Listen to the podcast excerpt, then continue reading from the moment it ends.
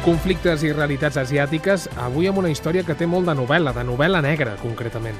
El suïcidi, almenys en aparença, d'un enginyer nord-americà ara fa gairebé un any a Singapur, del qual ara se'n torna a parlar. És novel·la negra barrejada amb interessos comercials, estratègics i de tecnologia sensible. Josep Alai, molt bona nit. Bona nit. Uh, parlem d'aquest senyor que, per cert, es deia Shane Todd. Explica'ns la seva història, aquesta novel·la.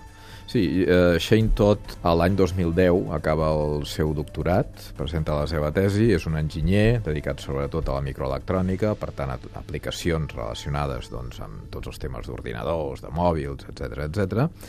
i com tants d'altres científics aconsegueix un contracte uh, laboral a un institut de l'estranger, i en aquest cas a Singapur, a l'Institut de Microelectrònica de Singapur, que a més a més és un institut que depèn directament del govern de Singapur, on hi ha apostat molts diners per tenir realment un centre d'excel·lència en investigació relacionada amb tot aquest món dels ordinadors i de la informàtica.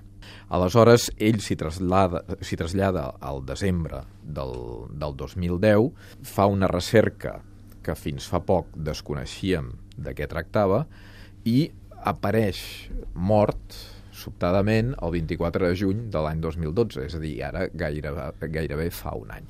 I apareix mort en unes circumstàncies com a mínim estranyes, és a dir, la, la, la policia ho tracta immediatament com un cas de suïcidi, eh, perquè apareix penjat en el lavabo de casa seva en el districte colonial de, de Singapur, però apareix penjat d'una manera que la policia ho descriu en els seus informes forènsics que no es correspon amb l'escenari del crim que troben els pares de Shane Todd, nord-americans, que es traslladen al cap de 48 hores de saber que el seu fill és mort, es traslladen a Singapur, visiten aquest eh, apartament i no coincideix doncs, les marques, en teoria, que ha deixat la cinta, una corretja eh, de goma amb la qual s'ha penjat. La policia havia dit que s'havien fet dos forats a la paret per connectar-hi una politxa a partir de la qual hauria fet servir una corretja i s'hi hauria penjat.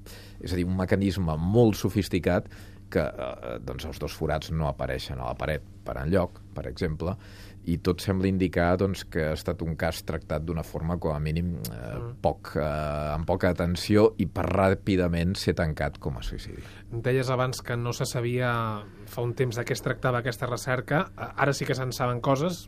On estava ficat? Se'n saben coses perquè, evidentment, eh, no pas per la informació que dona la policia ni l'Institut de Microelectrònica, hem de pensar que la policia, evidentment, regira l'apartament. Un apartament també, que abans no ho he dit, els pares se'l troben doncs, a punt d'una persona que està a punt de fer les maletes i marxar, amb tota la roba plegada dins de maletes, perquè ell estava a una setmana de tornar als Estats Units, fet que li afegeix encara més, diguéssim, peculiaritat en el, en el cas, no? algú que està a punt de tornar a casa amb els seus pares i de sobte doncs, se suïcida. Però eh, no hi ha ordinador portàtil, no hi ha mòbil, se l'endú la policia, però apareix els pares troben un aparell, un petit aparell, que aparentment sembla un altaveu, i que se l'enduen als Estats Units i resulta ser el disc dur on havia basat tots els seus arxius, de tota la recerca que havia estat fent durant aquest any, bàsicament el 2011 i part del 12, uh -huh. amb l'Institut de Microelectrònica. Aquesta recerca tenia per objectiu estudiar un material que es diu nitrur de gali, que és un material semiconductor que s'utilitza per fabricar els transistors que es diuen d'alta mobilitat electrònica, per tant, que són molt ràpids i resisteixen temperatures molt altes i que tenen clarament aplicacions dobles, aplicacions civils i aplicacions militars. I dins de les militars, sobretot en temes de radars i del que s'ha vingut a anomenar la guerra electrònica. Per tant, és un dispositiu mm, doncs, que, que, que té molta importància sí. en tot el que refereix a recerca militar. I, I concretament quins són els documents que, que apareixen en aquest disc dur i que fan saltar les alarmes a la família? Doncs aquests, a banda d'aquesta aquest, descripció de la recerca que estava fent, apareix un document que especifica eh, que Shane Todd viatjarà i de fet ho fa, al gener del 2011 als Estats Units a visitar la companyia Vico, que si no recordo malament factura més d'un miliard de dòlars l'any, és a dir, una de les tecnològiques més uh -huh. importants nord-americanes, que precisament el que fan ells no és produir nitrur de gal·li, el que fan és fabricar la màquina, els diversos tipus de màquines que produeixen aquest nitrur de gal·li, per uns sistemes doncs, de, de molecular beam epitaxi, que es diu, o chemical vapor deposition. Amb, aquests, amb aquestes màquines es fabrica el nitrur de gal·li. Sí. Per tant, ell aprèn com fer anar la màquina. El que veus és que, en teoria, les lleis nord-americanes només permeten vendre després aquesta màquina a un institut estranger com pot ser el de microelectrònica de Singapur, però no permet que l'empresa els hi dongui la recepta ideal per fabricar el nitrur de gal·li. És a dir, tu pots saber com funciona la màquina, però encara has de tenir més informació per saber com, com construir literalment aquests productes com el nitrur de gal·li tan complexos. Però en un dels arxius, curiosament, Shane Todd diu que l'empresa Vico americana li ha dit que no li pots donar aquesta informació per escrit, però sí que li donarà de viva veu quan estigui fent el curs als Estats Units.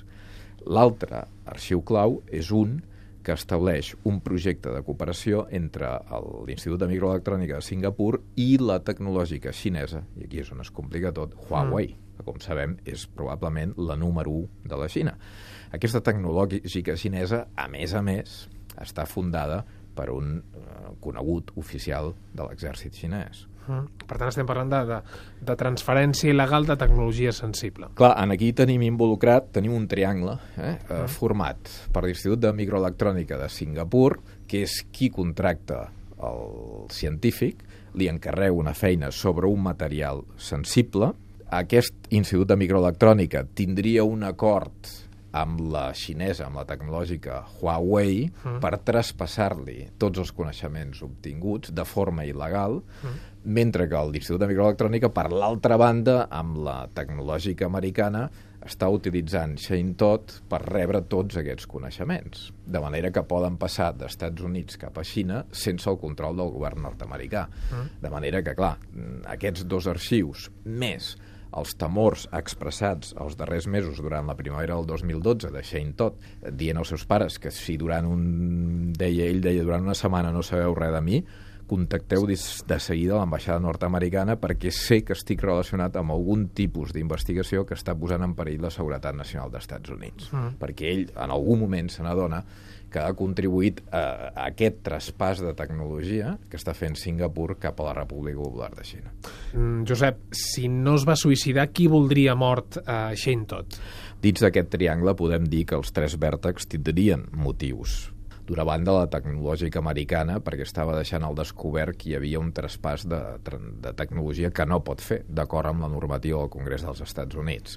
El govern de Singapur, perquè el govern nord-americà hauria identificat que està fent servir un institut de microelectrònica, en teoria internacional, de, de gran nivell, per recollir tecnologia nord-americana i passar-la cap als xinesos. Ara bé, coneixent les relacions directes que hi ha entre Singapur i Pequín, en aquest cas, que són, que tots sabem, doncs, són països eh, aliats, evidentment aquí qui més diguéssim, voldria haver amagat aquesta compra o, si voleu, recollida de tecnologia eh, sensible seria Huawei i seria, per tant, el govern xinès. El triangle tecnològic Singapur-Xina-Estats Units i el misteriós suïcidi o no de Shane Todd a Singapur. Josep Alai, moltes gràcies. Bona nit. Bona nit.